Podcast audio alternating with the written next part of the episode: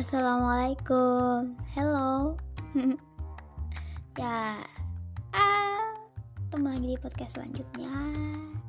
Jadi selamat mendengarkan semua teman-teman semua.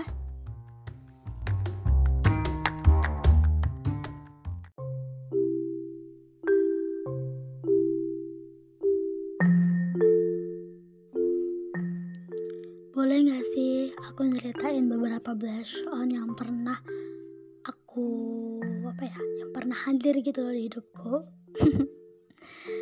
Jadi blush on yang pertama adalah blush on yang bener-bener aku tuh suka banget sama nih blush on. Aku kayak pengen banget punya, tapi sayang banget blush onnya itu gak bisa aku milikin karena blush onnya sangat sangat sangat tinggi dan juga sangat sangat limited edition. Ya udah.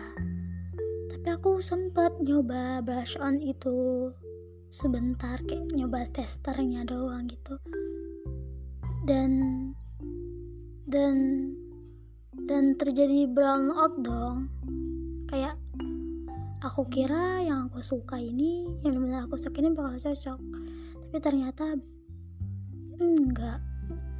Dan berlanjut pada blush on selanjutnya yang aku mengenali blush on ini aku tahu nih blush on baik nih blush on sangat-sangat sangat-sangat baik lah untuk dipakai di muka dan sangat-sangat baik untuk bisa dibeli. Tapi gak sempat aku untuk beli blush onnya tiba-tiba diambil orang. Tiba-tiba blush onnya jadi hilang. Dan tiba-tiba pas aku mau nyari lagi udah nggak ada. Katanya sih restoknya udah nggak ada lagi. Ya udah terus on yang sekarang adalah on yang yang aku suka banget sama on itu.